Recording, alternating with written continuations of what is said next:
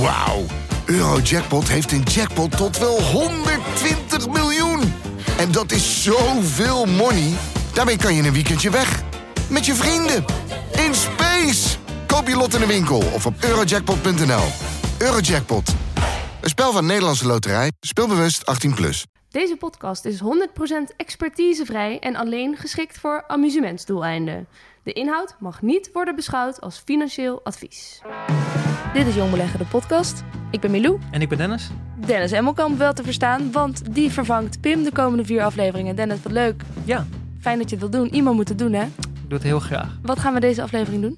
Nou, we gaan vooral ehm, eh, even door mijn eh, portefeuille heen lopen. Het is een soort van mega eh, portefeuille-update. Eh, zodat iedereen eh, een beetje kan volgen vanuit welk perspectief ik praat. Ja, en dan gaan we het dus hebben over campers, caravans. Ja, en eh, vieze dieselfilters. Een beetje over Ahold en online boodschappen doen. En we gaan het ook nog hebben over inflatie. Ehm, en we gaan het in ieder geval niet hebben over Pim Verlaan. We gaan beginnen.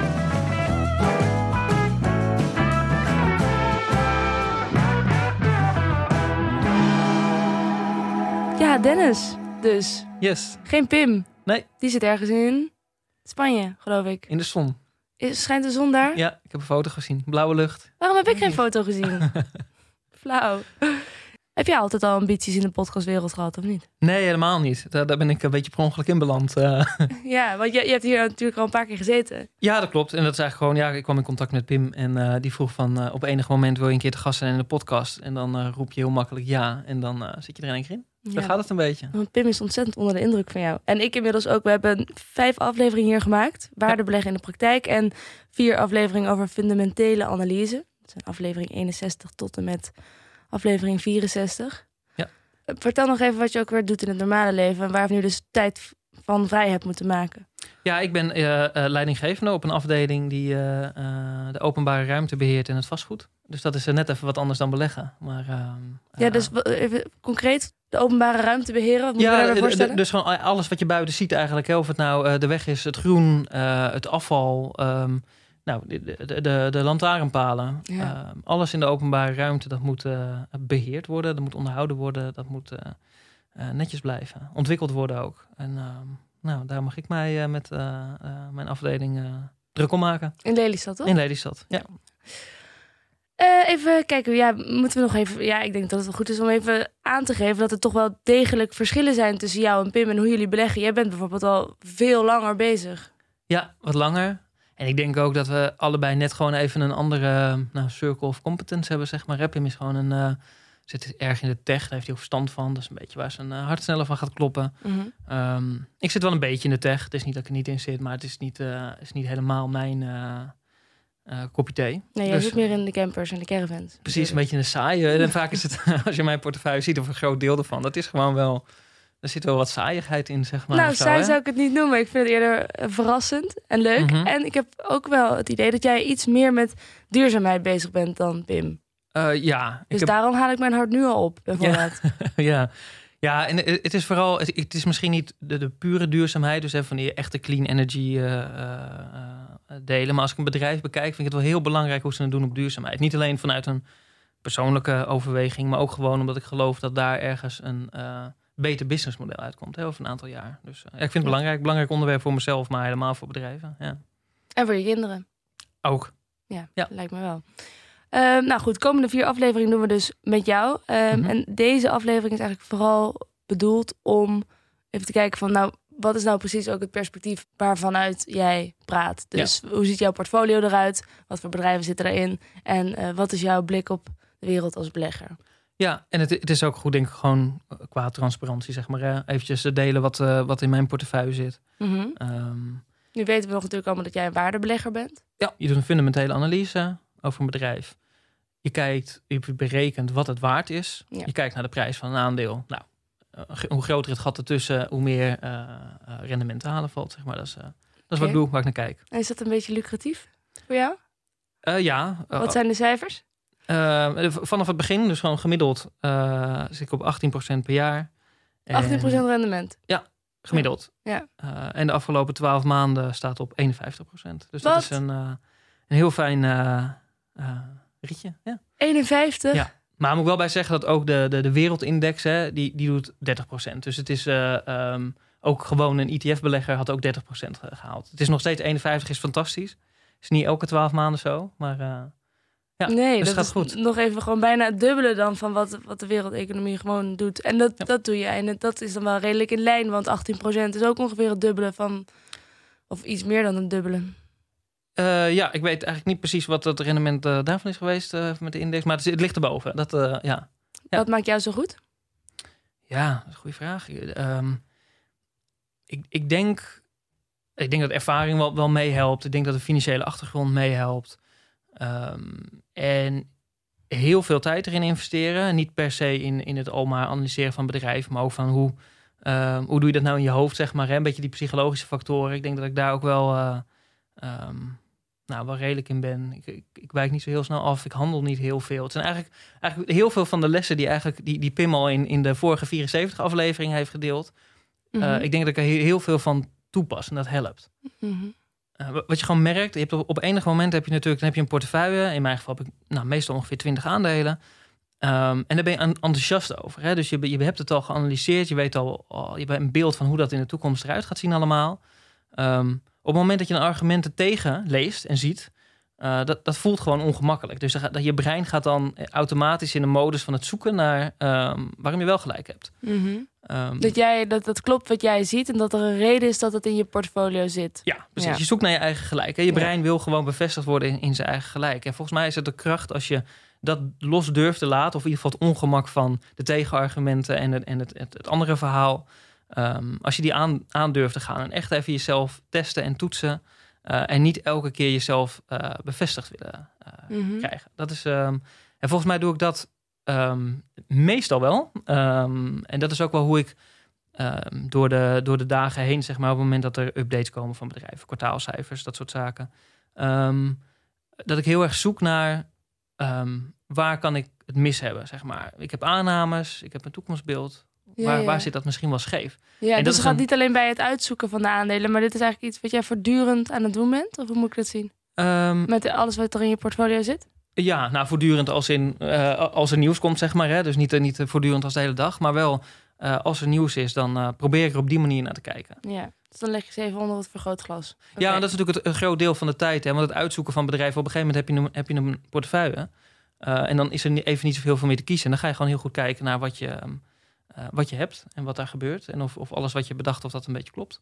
Is er een, een reden, is er een oorzaak dat je hebt gemerkt van... hé, hey, eh, ik zit wel heel erg mezelf te bevestigen elke keer in wat ik al denk? Of hoe, hoe heb je dit geleerd? Ja, je, je merkt het. Kijk, op een gegeven moment, als je erover leest, zeg maar, gewoon het begrip cognitieve dissonantie. Ik ben daar helemaal geen expert in, Ha, maar ik heb psychologie Ik- gestudeerd. Ja, oh, kijk. Ja, nou, misschien heb jij er meer verstand van. Maar ik, dus ik, ik ben geen expert op dat gebied. Maar het feit als je weet hoe dat werkt, ehm, dan ervaar je het ook. En dat Ja. is niet alleen met beleggen. Dat is, maakt niet uit. Op je werk thuis, op, in elke situatie waarbij je overtuigd bent van iets... Ja. eh, komt het tegendeel op je pad, dan ga je er toch een beetje weerstand tegen voelen of zo. Of je gaat weer op zoek naar de bevestiging. Dat voelt gewoon fijner. Ja, je hebt iets gekocht. En Ja.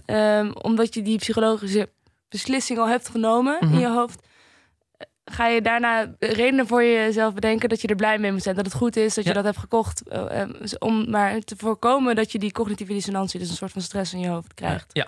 Ja, en je ziet het, en als je dat doorvertaalt ook naar beleggen, hè, dan, dan wat je vaak ziet, en dat heb ik bij mezelf gemerkt, maar dat zie je ook gewoon bij andere beleggers, dat je op een gegeven moment, eh, als het steeds maar achterblijft en het blijft achter, het voldoet dus niet aan de verwachtingen die je hebt, dan ga je heel vaak proberen uit te leggen dat de markt het verkeerd ziet, dat het uiteindelijk wel goed kan komen, of zelfs dat er ergens gemanipuleerd wordt of zo. Maar dat is vaak niet het geval. Je bent bezig met alleen maar je eigen gelijk bevestigd krijgen en, en niet durven kijken of, of willen kijken naar wat, eh, nou, de unpleasant truths, zeg maar. eh. Mhm.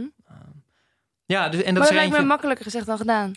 Ja, nee, dat is het ook. Eh, Zo'n sterke ja. psychologische drang om goed te praten voor jezelf, om daar tegenin te gaan. Ja, en dat is het ook. En, ehm, en daar heb ik zelf ook last van, zeg maar. Ik heb het idee dat ik dat, dat gewoon dagdagelijks best wel aardig doe... en echt wel een beetje op zoek ga. Maar ik heb bijvoorbeeld ehm, IBM gehad. Die heb ik onlangs verkocht, een paar weken, maanden geleden. Wat doet de IBM ook weer? IBM is een, een, een beetje een oude, oud techbedrijf, zeg maar. Hè? Ja. Dus die, die maakte vroeger allerlei systemen. En nu zijn ze heel erg aan het kantelen. Al een paar jaar. Dat proberen ze naar die cloud business en naar de AI. Dus in 2017 dacht ik... dat gaat, hè, in, voor bedrijven is het een super complexe opgave. Hè, dat, dat omschakelen naar die cloud, dat AI toevoegen in je systemen. En IBM was die transitie aan het maken. Dus in 2017 dacht ik, daar ga ik instappen, is goedkoop, die groei gaat komen.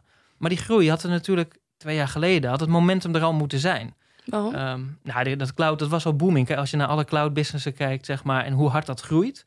Ehm, en hoeveel meer geld uh, uh, daarin wordt uitgegeven. Um, had IBM daar, die had, had een veel grotere uh, effect aan moeten krijgen in de cijfers. En dat viel kwartaal kwartaal veel tegen, veel tegen. En achteraf, is nu makkelijk praten, had ik al lang, ik denk al twee jaar geleden, wel bevestigd kunnen krijgen. Het werkt niet. Het groeit wel bij IBM, dus het is niet dramatisch, maar niet, niet zoals ik verwacht had. Het was Mhm. helemaal niet de echte groeimotor.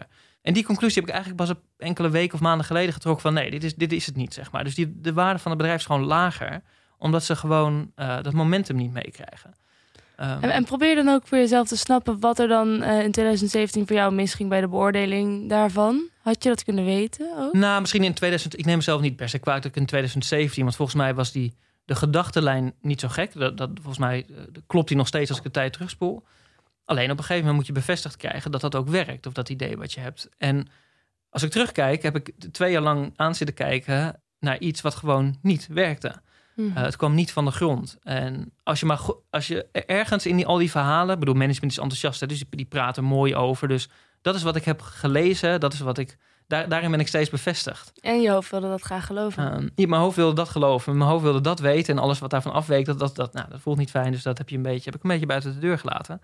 Um, ja, dus het is makkelijk, het is makkelijk praten, zeg, makkelijker gezegd dan gedaan. En dat, en dat blijkt ook, zeg maar, ook bij mij. Wat een crisis. Hoe ben je hier bovenop gekomen, Dennis? nou, gewoon op de verkoopknop drukken op enig moment. ja. dat, uh... Nee, maar wat, wat, was er iets specifieks waardoor je dat inzag? Dat het de waarste tijd zou worden? Um, nou, kijk, op een gegeven moment dan... Um... Want wanneer is het te laat? Wanneer denk je van, oh, ja... Nou, dus op een gegeven moment word je een beetje moe van jezelf met het verhaal wat je jezelf vertelt. Je kan, je kan niet uh, uh, jaar op jaar blijven herhalen aan jezelf van nee, dat komt wel, het komt wel, het komt wel. Ja, op een gegeven moment wordt het een beetje gek. Hè? Dan, ga je, uh, dan ben je Ja. gewoon jezelf aan het herhalen voor iets wat er niet is of wat niet gaat komen. Ja, dat, dat is Ja. een beetje.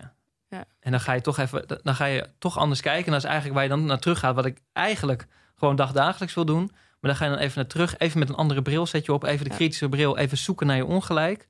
En toen ik bij IBM ging zoeken naar mijn ongelijk, nou, dat is echt makkelijk. Toen was het snel gevonden. Ja, dat, dat is echt snel gebeurd, ja. ja en, en dat is echt een bevestiging van hoe, uh, hoe sterk dat effect is, zeg maar. Hè? Ja. Die cognitieve dissonantie, of dat wat je brein doet en wa- wat het, wat het wil dat je doet. Dus Ja. je moet echt gaan zoeken dus naar het bewijs voor dat het niet goed zit. Ja. Oké, dus IBM is eruit. Laten we eens even een wandelingetje maken door je portfolio. Dan hoe het er nu uitziet. Wat, het, Ja. wat ziet er wel in? En wat is dan het eerste bedrijf wat je zou willen bespreken? Nou, wat wel leuk is, en dat is, die heb ik ook onlangs aangekocht, ehm, en dat is eh Tor Industries. Ja, de campers. De campers. Ja. En ja. caravans, En niet caravans, vergeten. ja. Jij zei zelf ook ja, saai. Ik vind het niet zozeer saai. Ik vind het juist leuk omdat het zo concreet en eh, te vatten is. En niet gaat over cloud computing of weet ik veel wat. Ehm, maar ik vraag me wel af hoe je daar dan bij komt.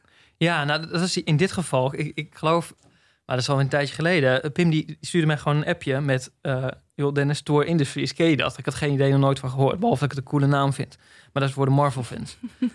Ehm, dus ik dacht van, nou, ik ga eens kijken. En wat je dan in eerste oogopslag zie je wel smaak inderdaad campers en, en caravans. Nou, dat is vrij Ja, simpel. Ik snap die dingen wel. Klinkt niet spectaculair. Nee, niet spectaculair. Dus, dus nou. Maar Ja. ik heb er geen verstand van. Ik heb geen campers ik, ik, ik, en ook geen caravans. Ik heb ze nooit gehad. Ik ben er ook geen fan van. Ik vind het een beetje... eh, Nou, het is niet mijn type vakantie. Maar ik ben gaan bellen naar een vriend die wel ehm, bezig is met de campers. En dus gewoon eens even doorgestuurd van... joh, deze merken verkoopt door. Eh, wat vind je ervan? Nou, die was enthousiast. Die zegt ze alle kwaliteitsmerken. Daar praat iedereen positief over. Sta op een beetje gerenommeerde camping. En er staan dit soort merken er. Die was heel enthousiast. Nou, en dan ga je, ga je verder zoeken en kijken. En dan zie je in één keer dat er ehm, nou, eigenlijk maar twee grote campermerken zijn. Dus de, de Tor Industries. Tenminste, het zijn heel veel merken die eronder hangen natuurlijk. Mhm. En Warren Buffett heeft nog een, ehm, een grote, ook een verzamelbedrijf met verschillende merken, geloof ik. Ehm, ja, en, zo- en zo duik je erin. En dan eh, eh, wordt het steeds interessanter eigenlijk. En, en, en hoor je steeds meer positieve geluiden. Wat voor campers horen dan bijvoorbeeld bij Tor? Ik ken bijvoorbeeld een Hiemer. Of is het een Nijmer? die hebben, ze, die hebben ze dus ook overgenomen. Dat is de, een beetje de Europese. Maar ook Hiemer, dat is een verzamelnaam voor eh, allemaal merken die eronder zitten. Oh. En Want ik- er is ook wel een echte Hiemer. Die hebben dan toch zo'n Mercedes busje en dat zit er dan... Ja, oké, nou, never mind. Ik heb erg geen Nee, verstand van. ik, zit, ik ben nog niet helemaal thuis in de merken en welk merk wat precies biedt. Maar in grote lijnen Ja, weet ik dat het de bekende merken zijn, de kwaliteitsmerken. ehm, en dat in ieder geval mensen uit de camperwereld die er wat meer in zitten, daar gewoon wel eh, positief te gaan Ja, kijken. ja, ik hou er wel van hoor. Ja. Het is ook wel een beetje... Die vakantie... Wij gingen vroeger wel eens met een camper. Mijn opa had dan een camper en leenden we die wel eens. Ik ben zelfs Mhm. een keer naar Winterberg geweest met de caravan. Eh, gewoon stonden we in de sneeuw een beetje te kamperen. Ja, is een caravan echt kamperen? Dat kun je je afvragen. Maar je moet nog steeds, als je wil douchen of zo, naar de toiletgebouw op je blote voeten door de sneeuw. Precies. Dus ik ben Ja. wel echt een diehard kampeerder. Zou ik wel durven zeggen. Dus ja, en zo zijn er heel veel mensen. En, en steeds meer, en dat is ook leuk, steeds meer jongeren. Ehm, en normaal, traditioneel zijn campers een beetje voor, voor de oudere generatie. Ja. En je ziet echt wel, voor corona was dat al, dat jongeren, eh, de jongere generatie in ieder geval, ook meer die wereld ingaat. ja, zeker de busjes. Ja. En, eh, ja, precies. En, en, en in die coronaperiode is dat natuurlijk nog versterkt. Ehm, maar het kan zomaar zijn dat die, dat die jongeren er ook wel een beetje aan vast eh, ehm, blijven houden, zeg maar, dat type vakantie. Nou ja, zeker als je weet dat de coronacrisis voorlopig ook nog niet voorbij is. Precies. Die kan zomaar nog even wat langer duren. Ja. Oké, dus campers, Ehm, ja. Ja, en wat ook wel leuk is om te vertellen, want op enig moment is in de community hè, van Jong Beleggen, is eh, Koen is een post gestart met eigenlijk de oproep van, joh, laten we met z'n allen Tor Industries analyseren. Of iedereen die erop mee wil denken. En dat is leuk, want er komen dus eh, nou, mensen uit allerlei, eh, met allerlei achtergronden, die, die, nou, die delen ook wat. Ook Thomas Heeg bijvoorbeeld, uit aflevering 60 uit mijn hoofd. Ja. Met zijn eh, anti-fragile canvas. Ja. Die heeft er ook even naar gekeken. Die heeft het canvas tegen aangehouden. Dus je ziet, ehm, uit allerlei invalshoeken kwamen daar nou, interessante inzichten en, en meningen. Ehm, en, ja. Ik ben benieuwd. Ja, ik heb Ja. het niet gevolgd. Nee, precies. Nou, maar in, in het kort, wa- wat je wel ehm, over het algemeen ziet, dat was de consensus ook wel een beetje, hè, dat je ziet dat zo'n bedrijf heeft gewoon heel beperkte innovatiekracht. Hè. In het verleden, ook een camper van een paar jaar geleden, is nog steeds een camper van nu. Het is, een camper is een camper. Ehm, en in die conclusie zit ook beperkte innovatie, ehm, maar ook het experimenteren en al, al dat soort facetten. Ehm daar, daar scoren ze gewoon niet zo hoog op. En juist als je natuurlijk de jongere generatie daar een beetje eh, in dat ecosysteem wil houden van die campers en caravans, dan moet je natuurlijk volgens mij, in ieder geval naar de toekomst toe, wel wat eh, gaan innoveren en het iets cooler maken. Dus cooler met eh, vette verlichting en Playstations ingebouwd. Bijvoorbeeld, je, ik, ik weet, je kan waarschijnlijk van alles bedenken, of de mensen die daar werken. Ja. Maar dan moeten er op een gegeven moment ook wel innovatieve en creatieve jonge mensen gaan werken die daar een beetje mee aan de Mhm. slag gaan. Oké. Ehm, en wat wel leuk is, is dat ze onlangs, of het is volgens mij ook alweer iets meer dan een jaar geleden, hebben ze een Chief Innovation Officer aangesteld. Ehm, dus, het, het- dus ergens ziet Thor ook wel dat dat een, een soort van belangrijk eh, element is voor de toekomst. Mhm. Daar zien we nu nog niet zo heel veel van terug. Maar het- ergens zou dat moeten komen. Dus mijn aanname is, het, het, is vrij simpel, het is saai, het, het innoveert niet echt. Ehm, maar ik ga natuurlijk wel heel erg opletten in die berichtgevingen. Van gaat het nou, ehm, is dat saaien, eh, zoals ik het zie, gaat dat eraf? Weet je, wordt het, komen er toch innovaties? Of, nou, dat is het interessante eh, eh, om te Oh, dus daarom zit jij erin. Jij denkt, dit is, dit is een trend van met campers gaande. Jongeren die willen daarin. En jij denkt dat door zo'n ja, innovatie gaat doorvoeren... dat het echt veel hipper gaat worden nog. Dus campers zijn de toekomst, dat zeg je eigenlijk. Ja, dat is aanname Niemand wil straks Ja. nog in een huisje... maar gewoon lekker met de camper op vakantie. Is de nou, aanname. ik, ik val dan niet in de doelgroep, maar wie weet. Grappig. Ja. Oké, dus een, en de fundamentele analyse die is er dus op gebaseerd... dat jij denkt wel nog dat er heel veel groei in het aandeel zit. Want jij gaat dat dan op een gegeven moment... je wil dat ritje omhoog maken en dan wil je hem verkopen. Eh, hoe zit het?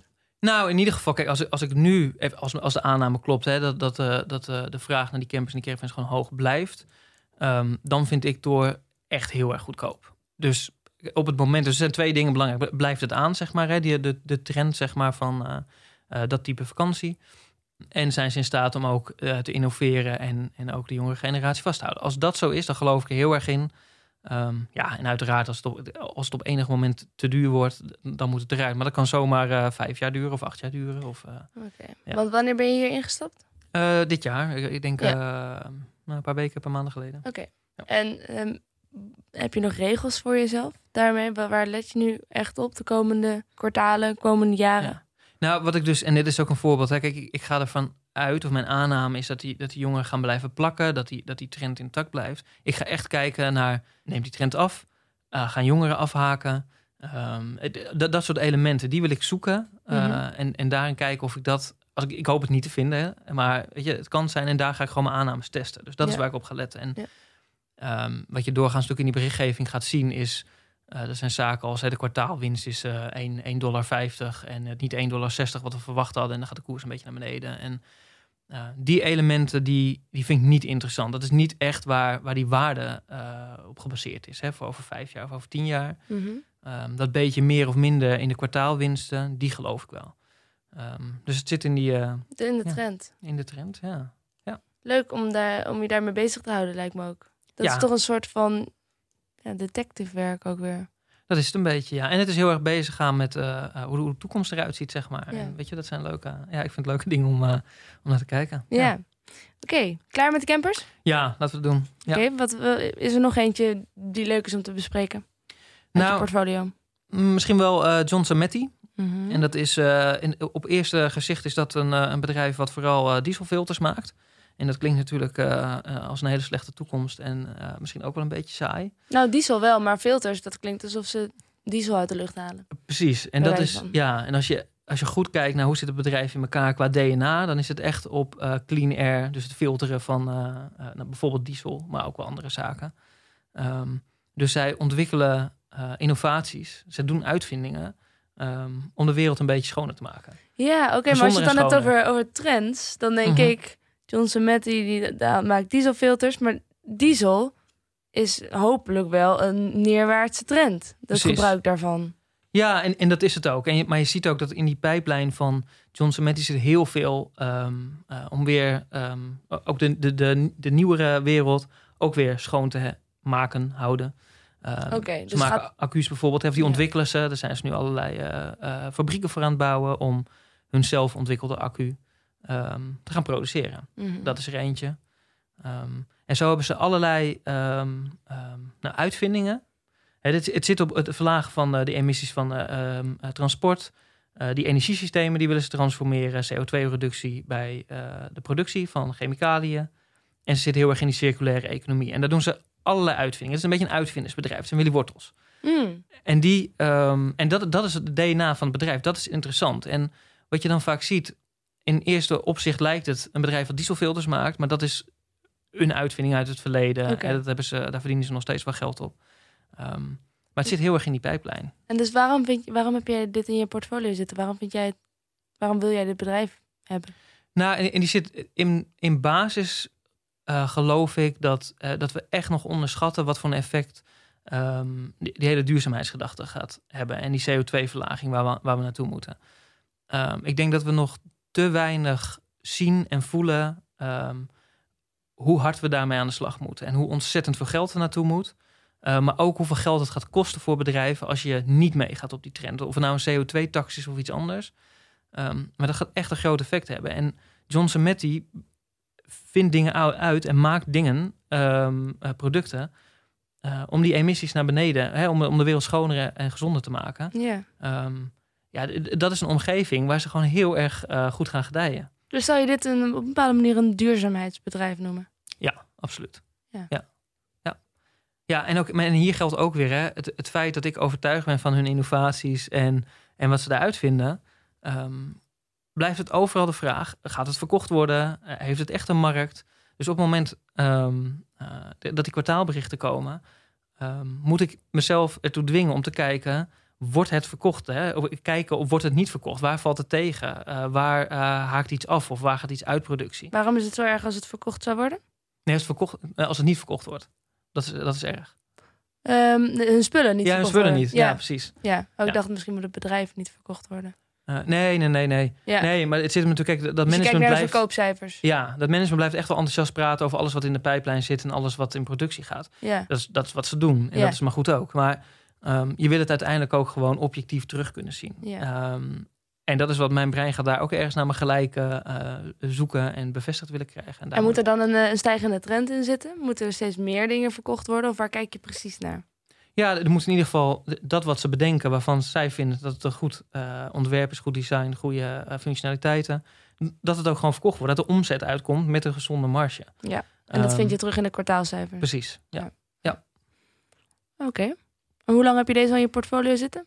Ja, deze zit er al wat langer, langer in. Ik denk wel een paar jaar inmiddels. En hoe, hoe verloopt dat dan onderwijl? Ehm, nou, ik heb, ik heb daar, ehm, ik denk inmiddels um, halfjaartje, jaartje geleden, uh, een deel verkocht. Dat is heel erg opgelopen. Um, ja, en op enig moment begint dat een beetje te knellen. Gewoon naar waardering en, um, uh, en de prijs, die, daar zat niet zo'n groot gat meer tussen. Het was een, volgens mij de grootste of ene grootste holding die ik had. Ja, en dan is er een bedrijf waar ik nog steeds enthousiast over ben, maar wat waar niet heel veel onderwaardering meer in zit, dan verlaag ik dat percentage in mijn, port mijn portefeuille. Ja. Um, dus dat, dat is een beetje hoe het verloopt. Ik heb het nog steeds, want het is nog steeds, uh, ik, ik geloof er nog steeds in. Het is nog steeds niet heel duur. Uh, ja. Maar het is inmiddels een iets kleiner deel van, uh, van mijn portefeuille. Ja. ja. Want wat zou je nou zeggen dat dan echt een Dennis-bedrijf is om te hebben? Want dit gaat dus heel erg over um, een, een, trend signaleren en daarop inspelen. En kijken of dat waargemaakt wordt en of dat gaat -huh. gebeuren. Um, maar een waardebelegger die kijkt ook wel naar meer dan alleen trends, toch? Ja, zeker. Je bent ook heel erg bezig met op het goede moment kopen. Ja, want, want, sommige bedrijven zitten misschien helemaal niet in een trend of zo. Of is helemaal niet iets nieuws. Maar die kunnen wel heel stabiel zijn. Heel degelijk. Gewoon fatsoenlijke uh, uh, toekomstperspectieven. Wat niet heel dan bijvoorbeeld? Um, nou je, je hebt er een paar. Kijk, als je kijkt naar bijvoorbeeld uh, Smurfit Kappa... hebben we ook eerder wel eens in de, in de afleveringen gehad. Ja, dus is met dozen? Ja, dozen. Ja. Uh, displaymateriaal, ook wel wat verpakkingsmateriaal. Maar eigenlijk alles uh, wat papier of karton is... en waar je uh, doos of displaymateriaal en dergelijke mee kan maken. Dat Ja. produceren zij. Um, ja, is dat een trend? Nee, dat is dan niet een trend, zeg maar. Ik bedoel, die, die hadden we tien jaar geleden ook, papier en karton. Alleen je ziet wel dat zij elke keer heel erg in staat zijn om uh, mee te gaan met de markt. Van waarvoor, ik bedoel, met de e-commerce trend zitten ze natuurlijk vol in. Ze zijn groot, ze hebben schaalvoordelen, ze produceren uh, goedkoop, heel duurzaam, of steeds duurzamer. Daarin lopen ze voorop. We bestellen ook heel veel pakjes trouwens wel. Uh, precies. Um, maar dat is ook weer een trenddingetje. Ja, dus daar zitten wel trends in. Maar het is natuurlijk als product zijnde ja, ik hoef hier niemand uh, uit te leggen hoe dat, wat dat is, zeg maar. Nee, zo, dat is niet je, op te innoveren bijna. Uh, nee, nee. Het, het, is een vrij simpel uh, product als je er zo naar kijkt. Dus ja. alleen ook die bedrijven, um, het zijn hele degelijke, stabiele bedrijven... die overigens in dit geval ook gewoon nog groeien. Um, maar daar kan op enig moment echt een onderwaardering in zitten. Als je gewoon kijkt naar wat ze verdienen nu en, en de komende vijf jaar, tien jaar... als je de enige voorspelling van kan doen... Um, dan blijkt soms dat die bedrijven heel goedkoop zijn. En dan ja, heb je gewoon precies. heel stabiel, goedkoop bedrijf ja. in je uh, portefeuille zitten. Zoals jij ook met PostNL hebt gedaan ooit, hè? Ja. Is dat dan ook zo'n bedrijf waar, waar eigenlijk niet echt een trend... Nee, ook niet echt. Ja, de- nou ja, goed, daar zag je natuurlijk wel de trend van, het, uh, van de e-commerce trend of de, de pakketjes uh, bezorgen. Ja, En natuurlijk de dalende trend van de, van de post. Maar het is, het is wel een beetje. uh, het is niet een hypermodern bedrijf wat allerlei nieuwe technologie of zo op de markt brengt. Of, of in de cloud zit of in dat soort zaken. Het is, het is ook vrij eenvoudig. Maar daar komt op een gegeven moment ook, als je weet dat de toekomstperspectieven gewoon gunstig zijn. Ja, en het staat voor, het staat voor, een, voor een prijs die, die echt veel te laag is. Dan. Inmiddels heb ik geen PostNL meer, hè, want dat is ergens um, hebben meer mensen afgelopen anderhalf jaar bedacht dat, uh, uh, dat daar toch wel veel geld te verdienen valt Ja, ja, uh, met ja. de pakketjes. Ja. Um, maar het is een beetje een vergelijkbaar voorbeeld, ja. Ja. dus zou je kunnen zeggen dat er een, een soort van twee type bedrijven in je portfolio zitten. Eén die zit echt heel erg waar je kijkt naar de trends. Mhm. Natuurlijk ook altijd wel op de prijs Ja. van eh, wat is de waarde. Ja. Eh, en de andere kant is echt van die hele steady bedrijven waar weinig. Het, het zijn gewoon niet de meest uh, spannende bedrijven of zo misschien. Ja. Ja, precies. Oké. Zijn er nog meer die leuk zijn om even te bespreken? Um, nou, het is misschien wel goed om ook even te benoemen. Um, en die zitten misschien ook wel een beetje in de wat uh, in de eenvoudige kant. Hè. Dat is um, Heidelberg Cement en Veolia. Mhm. Heidelberg zit in, uh, nou, cement. Cement. Ja, Mhm. en asfalt.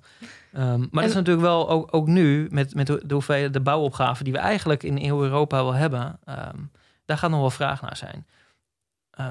Dus die- dat is ook een beetje een, waarde, een waardeaandeel voor mij. Um, het geen Veolia zit in de, um, uh, met name in de afval, maar ook heel erg straks in de, in de duurzaamheid, in de water, uh, aan de waterkant.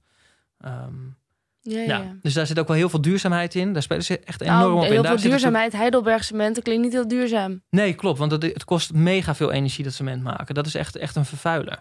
Maar het punt is natuurlijk dat... ik bedoel, Dat cement hebben we nog wel nodig. We moeten gaan bouwen. Ook over 10 jaar en ook over 20 jaar. Alleen de winnaar in cementland is wat mij betreft degene die eh, dat zo duurzaam mogelijk kan doen. Mhm. En het toch echt wel eh energie-neutraal kan worden, ook met cement.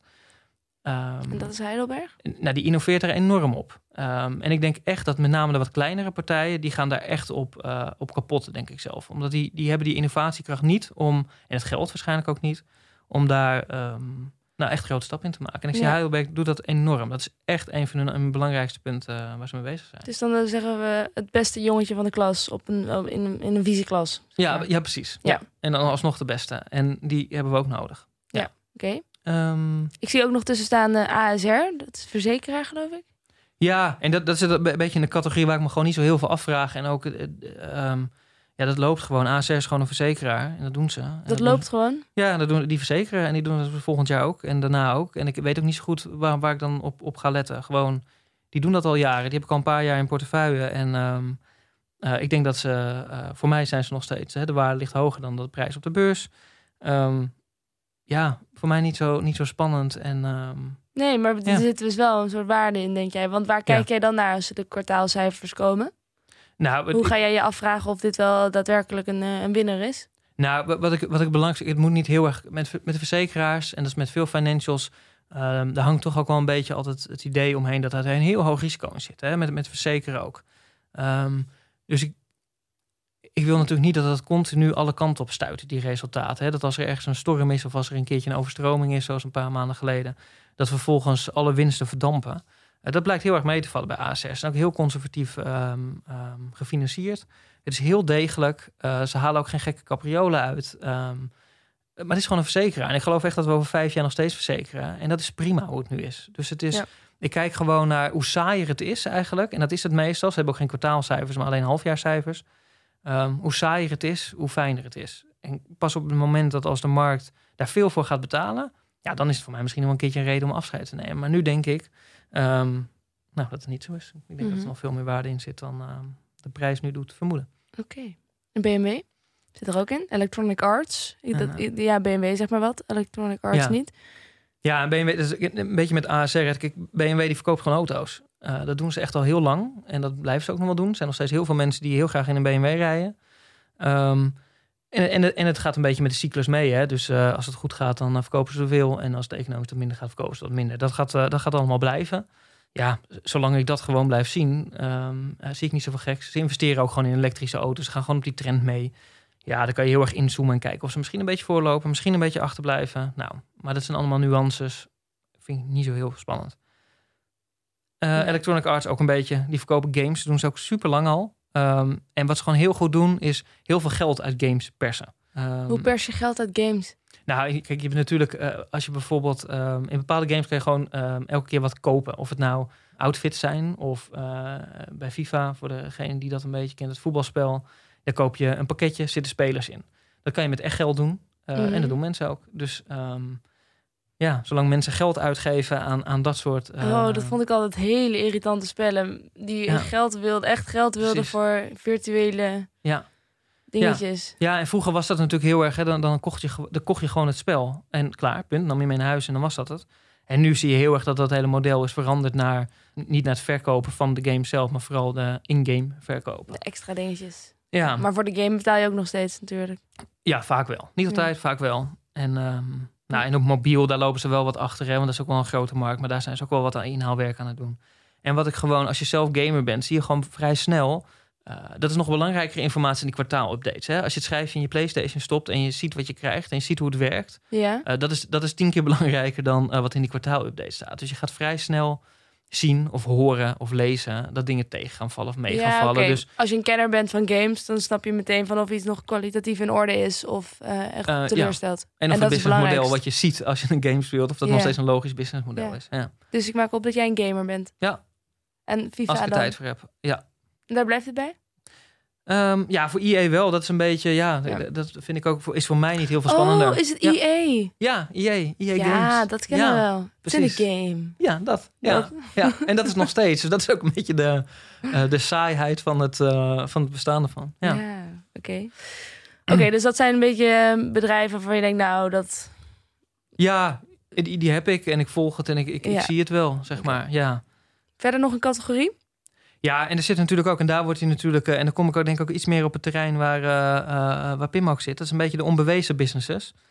Ehm, dat klinkt wel negatief. ja, nou, maar goed, daar, daar moet echt nog wel wat gebeuren om het, of dat ze laten zien dat het echt gaat werken, het businessmodel, of ehm, dat het de waardering nog wel moet bewijzen. Hè? Als je kijdt naar ehm, Just Eat Takeaway, zie je natuurlijk wel vaak eh, langsgekomen. Mhm. Ehm, Letterlijk. daar gaat, wordt nu nog wel gewoon geld verbrand. Dus dat is natuurlijk wel ehm, met het idee om te investeren in de toekomst. Maar dat moet er nog wel over een paar jaar uit gaan komen. Dat dan Ja. in één keer die winstmotor wel gaat draaien. Ehm, Ja. Stond ook in de quote 500 Jitse Groen dat hij eh, een beetje gezakt was in zijn vermogen. Hij heeft nog steeds Ja. 1,2 miljard. Dus ja, ik heb er niet, niet heel veel medelijden mee. Maar eh, nee. nee, dat klopt. Maar het is, ja, goed, daar, moet- daar moet gewoon nog wel eh, wat uit gaan komen. Ik heb er vertrouwen in, hè, dus dat is het niet. Alleen, ja, daarom zit ze in je portfolio ja, eh, dat, datzelfde geldt voor Pinterest. Die heb ik een, best al een tijdje. Ehm, daar Wat kan in- daarna nog gebeuren? Nou, kijk, wat Pinterest natuurlijk heel erg slim doet. Echt een hype waar ik nooit op ben ingestapt. Nee, nee, Nee. Het, is, het, is ook, het is ook niet zo groot als de Facebooks of de Instagrams. Of, ehm, maar wat het wel heel slim doet, is het verkoopt eh, advertenties. Maar het zit ook heel erg, iemand zoekt naar iets wat hij wil hebben. Of waar hij geïnspireerd wil raken. En daarachter zit de eh, social e-commerce, zeg maar. Dus zij kunnen redelijk goed bedrijven faciliteren door de mensen die op het platform zitten. Om nou, de, de actie te krijgen om daar iets te gaan kopen. Dat doen ze slim. En je ziet ook echt dat die vooral de, ehm, de revenue per user, die stijgt enorm. Echt kwartaal op kwartaal Hmm. zijn ze steeds beter in staat om geld uit de gebruikers te halen. Wat daar wel tegenvalt is de, de groei van gebruikers. Ik had verwacht dat dat wat, wat meer steady zou gaan groeien. Daar zit wat, wat wel een kinkje in de kabel. Ja, Maar ik denk dat het heel goed kan bestaan naast die hele grote eh, Ja. partijen. Zeg omdat maar. het iets zo anders is. Het is echt net even iets anders. En, Ja. en zo'n unieke plaats in dat hele eh, veld, daar geloof ik wel in.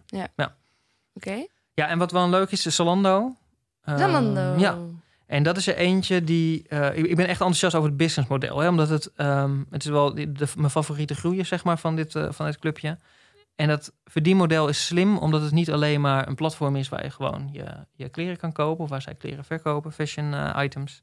Maar ze hebben dat hele logistieke netwerk. Fashion items. En, eh, ja, want ze doen inmiddels ook eh, alles wat er aan verwant is. Zeg maar accessoires, ook ehm, beauty producten. ja, precies. zit een beetje in die Fashion items. Ehm, maar ze doen ook het logistieke netwerk. Dus ook de hele distributie van, van de spullen. En dat is, dat is echt interessant voor de leveranciers, zeg maar. Of de, de kledingmerken. Ja. Mhm. Ehm, Waarom dan? Kunnen ze dat niet beter uitbesteden? Ja, aan Zalando. Oh, dat kunnen zij dan. Precies. Ja, ja. Ja, en je kan bij Zalando verschillende ehm, eh, kledingmerken eh, nou, bestellen. ja. Maar dat komt dan uit één depot en dat wordt naar je toegestuurd. Dus je hebt alle service, het betalen, het retouren, eh, de opslag, het hele, de hele warehousing. Alles zit dan bij Zalando. Dus dat is een heel ehm, aangenaam perspectief vanuit B2B. Ja, en als je natuurlijk in Amerika een kledingmerk hebt... en ook al ben je daar succesvol... en je wil dat ook in de hele eh, markt van Europa verkopen... ja, als je dat allemaal zelf moet opzetten met je website... en je marketing en je eh, distributienetwerk... en je billing en al dat soort zaken... eh, dan denk ik echt dat het interessanter is om bij Zalando aan te kloppen... want dan heb je alles in één. Ja. Ehm, en die kunnen dat over het algemeen ook goedkoper dan andere partijen... omdat ze gewoon schaalvoordeel hebben. Ja. Dus dat is heel interessant. En Ja. wat leuk is misschien om te benoemen, want in de eh, community heb ik die analyse gedeeld. Eh, en ook de update erop na de kwartaalcijfers. Dus als je vriend van de show bent, heb je hem al gelezen of kan je hem lezen. Mocht je geen vriend van de show zijn, dan zou je even kunnen gaan naar denniselmelkamp.nl. En daar heb ik ehm, de analyse en de update heb ik gedeeld. Dus dan kan je hem eh, nou, lezen, bekijken. ja. En, ehm, Over Zalando. Ehm, over Zalando. Misschien leuk. en het is denniselmelkamp.nl. Heel veel creatiever kon ik hem even niet maken. Maar het is even om... Is om dit soort een- dingen te delen. eh, heb je een nieuwe website? Of had je die al lang? Nee, die is nieuw. Die is, eh, heb, heb ik gisteren eh, wel te verstaan eh, eh, klaar eh, gemaakt en afgerond. Aha. En het staat er nu op. Dus ehm, ja, nou, het vooral. Dus dat zijn dan de, Ehm. de onbewezen de businesses. Ik zie ook nog daar International Consolidated Airline Group. Ja, en die zit. zitten. Dat is natuurlijk een, een, een airline. Dat is natuurlijk ook een, dat, dat lijkt wat ehm, nou, ook traditioneel en dat is het ergens ook wel. Maar er zit natuurlijk wel een heel groot verschil in airlines pre-corona en nu of nu of straks, omdat de zakelijke markt natuurlijk echt wel veranderd is met reizen. We gaan natuurlijk eh eh, videobellen en we gaan niet meer op en neer naar Londen voor een, eh, voor een overleg van twee uurtjes. Dus die hebben wel een knauw gekregen. Dus het is Mhm. echt wel de vraag ehm, hoe dat er precies uitkomt te zien over één jaar en over twee jaar. Ehm, dus voor mij is, ik heb International Consolidated Airlines Group. Nou, in het kort, waar ga ik naar kijken, is eh, hoe gaat die markt eruit zien? Transatlantische vluchten, zakelijke vluchten. Ik denk, en daarom heb ik hem ook, omdat het echt nog ondergewaardeerd is. Omdat ik echt geloof dat we met z'n allen per saldo wel weer gaan vliegen. En de- de- dus die niveaus komen wat terug. Alleen voor de zakelijke markt gaat dat er anders uitzien. Ehm, nou, dan is de vraag welke airline daar ehm, het beste ook op, op kan aanpassen. Zeg maar. Wat, wat hebben we nog niet gehad? Dan hebben we nog een, eh, volgens mij een categorie van eh, eh, holdings die, waar, waar nog wel iets te gebeuren staat. Mhm. Ehm, Shell, dat is een beetje de usual suspect, zeg maar. Hè. Die gaan natuurlijk zitten in die hele energietransitie. Ja. Nou, daar kan je, dat zijn duizend meningen en, en daar kan je van alles van vinden. Ik geloof in de kern dat we Shell heel erg nodig hebben om die hele transitie vorm te geven. Weer het schoonste jongetje van de vieze Ah. klas. Ja, ze investeren daar heel veel geld in en, en daar kan je, kan je te weinig vinden. Je kan, je, kan er, weet je, je kan er heel veel meningen over hebben. ABP Ehm, heeft er een mening over. Ja, precies. Die en, willen maar- niet meer. Nee, en heel, heel veel, hè, die, die haken daar een beetje op af. Ik geloof heel erg dat we Shell nodig hebben en ook andere grote partijen hoor, om die transitie vorm te gaan geven. Hè. En eh, ik denk dat Shell daar ook een heel goed plan onder heeft om daar te komen. Ehm, en mij kan het ook niet snel genoeg gaan, uiteraard. Maar het moet wel eh, passen binnen het tempo wat gewoon mogelijk is. En ik geloof wel dat Shell daar aardig, eh, aardig op weg is in ieder geval. Zie je dan met ledenogen toe hoe zo'n ABP, het grootste pensioenfonds van Nederland, ehm, stopt met investeren in de fossiele industrie?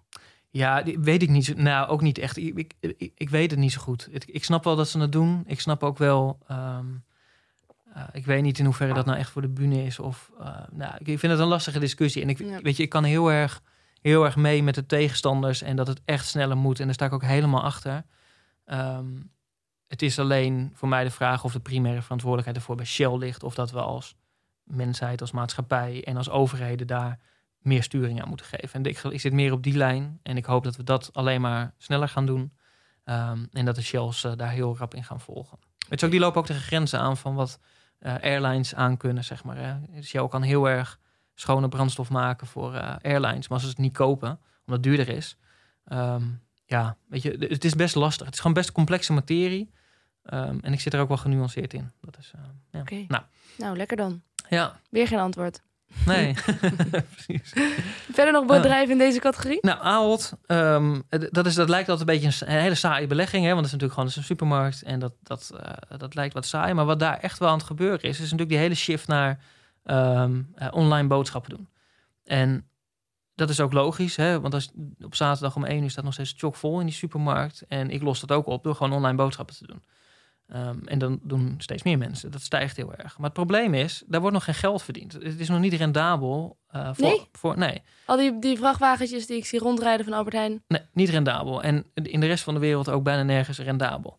Eh, en dan hebben we ook nog eens een keertje een picknick wat er aankomt. Die alleen maar eh, dat doet. Is die in de core gewoon echt alleen daarop zit. Eh, dat het gaat- voordeel hebben dat ze geen fysieke winkels hebben. Precies. Dat is minder... ja, dus, die, dus dat hele bedrijf gaat anders opgebouwd worden. En daardoor waarschijnlijk wat effectiever of efficiënter eh, zijn. Dus Ahold heeft echt wel een uitdaging daar. Ja. Ehm, ik denk dat ze er gaan komen. Ik denk dat ze schaalvoordeel hebben. Ze hebben bol.com natuurlijk. Hè. Dat is in ieder geval qua expertise. Dus ik denk dat Ahold veel verder is dan andere eh supermarktketens. Mhm.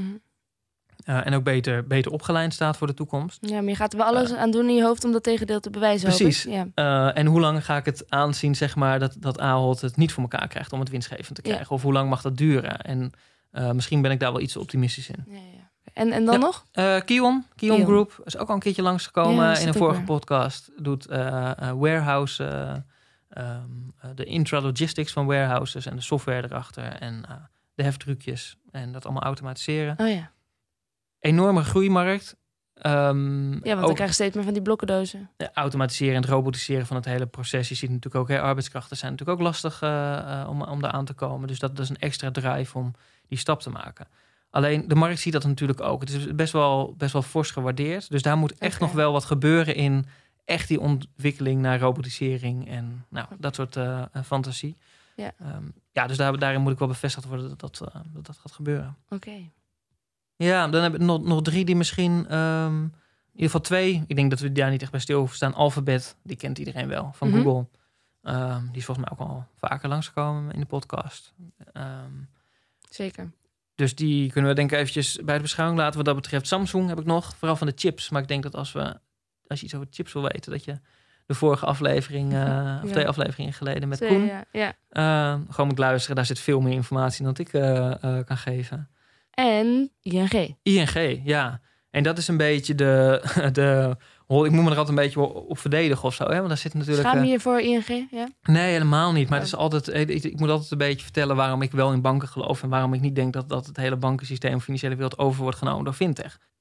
In mijn optiek hebben banken gewoon in het feit dat ze bank zijn een moot. Het is zo'n complexe wereld waar je aan zoveel zaken moet voldoen. Je kan niet zomaar een bank beginnen. Hè? Dat is echt te ingewikkelde materie. Dat, en dat is maar goed ook, hè? want het is heel goed, in ieder geval voor de maatschappij, dat die, dat die banken echt zwaar gereguleerd zijn. Maar dat maakt um, dat ze een moot hebben. Je komt daar echt niet zomaar tussen. Um, nou, dus ik geloof dat we voorlopig, en voorlopig als een echte komende vijf of tien jaar, niet zomaar banken gaan zien verdwijnen. Nou, nee. Dus ING is voor mij gewoon een bank. Dus je gelooft niet in bitcoin? Nou, ja, dat is weer een ander onderwerp. En ik, okay. um, nou, nee, daar, daar, moeten, daar moeten experts wat over zeggen. Daar weet ik gewoon ook te weinig van. Alles wat ik daarvan zeg uh, um, is... is, is uh, nou ja, de toekomst van banken die heeft er natuurlijk wel een beetje mee te maken. Uh, ja, maar ik, en dat is wel het punt. Ik geloof niet dat als je naar overheden kijkt, centrale banken, dat die ergens gaan toestaan. Dat het geldsysteem dusdanig ongereguleerd gaat worden. Dat, dat, dat geloof ik niet. Dat, dat is voor de maatschappij niet goed. Dat gaan ze niet toestaan. Dus er is geen enkel argument waarom die partijen dat een goed idee gaan vinden. En zij gaan er wel over. Precies. Dus en, en, voor mij is dat een beetje een, ja, het ABC'tje waarom ik um, zo een beetje in zit. Oké, nou in ieder geval dus even wel een kleine lans gebroken hier voor ING. Ja, Mag ook wel een keer gezegd in Jong Beleggen de podcast, vind ik. Ja, precies. Ja. ja. ja. en daar zit natuurlijk ook, daar zit wel een beetje het tegendraads denken of zo, of het een beetje ander, anders zien dan anderen. Ja, en dat hoort er volgens mij ook een beetje bij. Ja. Nu zijn we er wel doorheen, hè? Nog eentje. Nog één? Ik denk het wel, als ik goed, uh, goed geteld heb. Um, want volgens mij hebben we nog Archer Daniels Midland. Die is ook niet zo heel bekend. Oh. En die zit ook een beetje, een beetje kleeft hij aan het duurzaamheids, uh, duurzaamheidsverhaal. Vertel. Nou, als je kijkt naar uh, dat hele duurzaamheidsidee uh, met CO2-uitstoot, wat echt een onder, onderbelicht onderwerp is, is de bio-industrie en de vleesconsumptie. En nou wil ik je helemaal niet uh, vertellen dat we dat allemaal niet meer moeten doen. Maar als we de CO2-uitstoot willen terugdringen, is dat echt nodig. Echt een heel groot deel van de voedselproductie en de, en de landbouwgrond, dat stoppen we in dieren om vervolgens die dieren te eten. Dat is echt een super slecht businessmodel mm. voor uh, de wereld. Tell me about it. Ja, ik, ik, heb, ik weet niet de exacte getallen, maar voor mij is, zit er iets van 25 keer meer calorieën die een koe ingaan dan dat een hamburger oplevert. Uh, dat is echt dus niet logisch. Er gaat ook heel veel verloren. Precies. En, en, en dat, da, daar gaan we een shift maken. En je ziet, die shift zie je al langzaam komen. Volgens mij is voor het eerst ook dit jaar in Nederland de vleesconsumptie gedaald. Je ziet uh, de ontwikkeling met kweekvlees. Je ziet natuurlijk de alternatieven, de plantaardige eiwitten zie je opkomen. Is de vleesconsumptie gedaald? Ja, ik, ik, las dat voor het eerst, want dat verbaasde me altijd zo. Ik zie steeds meer mensen om me heen die, die het minder eten, maar de vleesconsumptie ging alleen maar omhoog. En volgens mij was afgelopen, wat is het kwartaal, is die gedaald. Ik, want hoe een kan ik het gemist hoor. hebben? Maar, ja, nou, ja. maar alsnog, het is niet gestegen. Nee, precies. Nou, maar wat ik dus interessant vind, is, is dat hele uh, verhaal van plantaardige eiwitten uh, en de productie daarvan. En je ziet dat Archie Daniels daar heel erg op aan het investeren is. Um, om dat voor elkaar te krijgen. Het is natuurlijk ook wel een vrij complexe wereld om dat um, um, goed te kunnen produceren en te ontwikkelen. Ja. Daar zitten ze op. En in hun uh, services stak zitten ze heel erg op hoe we omgaan met de grond, met de landbouwgrond. Om dat duurzamer te, te maken. Want ook daar ja. zitten wel wat problemen. Okay. Um, ik heb nou, even wat gevonden op 28 oktober, ja? jongstleden. Um, meldt het AD dat onze vleesconsumptie per persoon met bijna 2 kilo gedaald is, inderdaad, in 2020. Kijk. 2 kilo per jaar dan. En dat is onderzoek van Wageningen University and Research in opdracht van Wakkerdier. Maar de reden is daarvan de, dat de horeca is gesloten. Ja. Voornamelijk. Ja. Ja, dus het, het schiet nog niet heel erg op. Maar ik geloof wel dat we in een over misschien twintig jaar of zo in een wereld leven waarbij we het echt een beetje gek vinden. Um, dat we dieren gingen uh, houden, uh, volproppen met eten wat wij ook hadden kunnen eten. Om die vervolgens te slachten en vlees te eten. Ja. Uh, ik geloof echt dat de ontwikkelingen dusdanig rap gaan dat dat op een gegeven moment een beetje gek, gek gedacht is als je kweekvlees hebt. Een hele goede alternatieven. Ja, en dat ze restaurants ook gewoon goede alternatieven gaan aanbieden. En dat mensen ja. niet vinden dat ze thuis geen vlees meer mogen eten. Maar in een restaurant mag het wel, want dan, ja, waarom eigenlijk? Ja. Blijft nog steeds een dier hoor, jongens. Oké. Okay. Dennis, we hebben nog kort tijd voor een klein beetje nieuws. En dat is misschien ook wel leuk om te bespreken, want jij wilde het over inflatie hebben. Ja. En daar gaan we het ook in een komende aflevering over hebben. met jou. Ja, dat is een van de onderwerpen die jij hebt uitgezocht om eh, te bespreken in de tijd dat Pim er niet is. Wat is er eh, te melden over de inflatie? Nou ja, ja, je hebt natuurlijk de afgelopen nou, maanden, denk ik al, is, dat, is het heel regelmatig in het nieuws. Je hoort heel veel over ehm, inflatie en of de rente wel gaat stijgen, niet gaat stijgen. Of aan naar hyperinflatie gaan. Ja, allerlei ja, want de inflatie die loopt op. Eh, ja, en, en dat zag je dus ook eh, eh, in het nieuws. Klaas Knot, die heeft gewaarschuwd voor het risico van aanhoudende inflatie. En die heeft ook nog wel de opmerking gemaakt dat de ECB de ruimte moet maken om in te grijpen als de inflatie ook volgend jaar hoog blijft. Eh, en het is een discussie die ook binnen, binnen de ECB en zo. dat Je hebt, je, hebt, je, hebt, je hebt een groep die zegt het valt allemaal mee. Hè? De inflatie is tijdelijk en dat zwakt allemaal af, dus we hoeven niet zoveel. En je hebt een groep die zegt, nou als we niet gaan ingrijpen, dan kan het nog eens heel lang gaan duren. Ja, En die discussie. want ze zeggen wel, Klaas Knot zegt ook, het is inderdaad in principe tijdelijk, maar het kan wel heel lang duren. Ja, langer dan we misschien wel denken. En is dat dan heel erg? Ja, dat is, dat is natuurlijk de vraag, zeg maar. Is dat Ja. erg? En wat gebeurt er dan? Kijk, op het moment dat, er, dat de inflatie lang aanhoudt... eh, wat er dan gaat gebeuren is dat mensen ook meer geld willen hebben. Eh, lonen gaan dan omhoog. Of in ieder geval, dat is wat ze willen. Ja. Ehm, op het moment dat dat gaat gebeuren, prijzen stijgen, lonen stijgen... dan komt er dus meer geld eh, die economie in. Mensen gaan meer geld uitgeven omdat ze meer hebben. En dan kom je in de eh loonprijzen. En dan gaat de infla- inflatie ook weer doorstijgen. Dan stijgt het weer door. En dat is Ja. heel lastig tegengaan. Er zit echt wel een lange remweg op om dat, om dat te remmen. en dus de moeten- remweg, dat is de rente. Ehm, ja, precies. Daarmee kan je remmen. Op het moment dat die rente, als we die gaan verhogen, eh, wat je dan ziet is dat de bestedingen iets gaan afnemen. Het lenen wordt iets minder aantrekkelijk. Dus je, je, je remt eigenlijk een beetje die economie af en de inflatie rem je af. Dat is het Ja. idee. Alleen, dat is natuurlijk niet op dag één. Als op dag één de rente verhogen, is niet op dag twee gelijk ehm, eh, de inflatie aan het afnemen. Dus dat, dat, dat duurt echt een paar maanden tot het effect langzaam doorcijpelt. Je kan Ja. ook de rente niet in plotsklaps, eh nou alles kan, maar het is niet verstandig om die rente plotsklaps op te, op te laten lopen. Dus in Nee, want stapjes. er zijn natuurlijk, een, zeker na de coronacrisis, flink wat leningen. En als die opeens veel meer moet- rente moeten betalen, Ja. dan klapt het alsnog helemaal in elkaar. Precies, dus daar moet je eh, voorzichtig mee zijn. Ja, en, en we hebben sowieso afgesproken dat die rente laag blijft, toch? Ja, en het het is ook een heel groot risico als die rente omhoog gaat. Want er zitten nogal beladen landen en bedrijven en, en particulieren... eh, zitten nogal vol beladen met schuld. Dus een hoge rente is echt wel een probleem. En Klaas Knot heeft nu gezegd, nou ja, hij waarschuwt eigenlijk voor het risico. Het risico dat het langer kan duren, die inflatie, dan we denken. En dat we ons echt, ehm, of ons, in ieder geval de ECB, de ruimte moet nou, gaan maken of Ja? nemen. Is het een oproep aan de ECB? Ehm, Van, maar ja, grijp in. Nou, misschien nog niet. Hij, hij, hij vertaalt het wel heel ehm, een beetje politiek bijna, zeg maar. Hè? Dus Mhm. het is een beetje een, eh, nou, een beetje voorzichtig formuleren hoe hij er een beetje in zit. Want het is, en want dat is waar het op, op gebaseerd is. Inflatie in Europa of in de eurozone is eh 4%. En in Nederland ligt het nog iets lager, geloof ik. Maar zelfs in Nederland is het al het, het hoogste cijfer sinds nee, heel lang. We hebben het heel lang niet zo hoog gehad. Wat is heel lang? Ja, dat is een goeie. Ik denk dat dat... dat dat- Decennia? eh, nou, ik denk dat het gauw 15 jaar is of iets dergelijks. Hm. Wel die orde van grootte. Ja. En wel normaal wel iets van 2%. En dat vinden we normaal, toch? Ja, zeker nog. We hebben, we hebben de afgelopen tijd eigenlijk heel erg aangezeten tegen ehm, eh, om deflatie te voorkomen. De inflatie was heel laag. Daarom is er ook zoveel extra geld in de economie ingepompt. Al, al hele lange tijd. Als je ziet hoeveel extra geld de afgelopen jaren in de economie is gepompt, is enorm. Maar die inflatie ging niet, niet mee omhoog. En nu eh, zitten we echt op het kantelpunt en is de vraag ehm, wat ermee gaat gebeuren. En wat voor ons natuurlijk nog, ons beleggers, eh, de vraag is, want los van, van de rente en inflatie, wat doet dat met koersen, met eh, omzetten van je bedrijf, winsten van je bedrijf, waar komt het onder druk te staan? Dat is natuurlijk, en dat is de, het, het lastige verhaal en waar je eigenlijk antwoord op wil hebben. Ja, Ehm, en dat is volgens mij het interessant om, ehm, om te bespreken eh, volgende week. dat gaan we volgende Ja. week doen. Oké.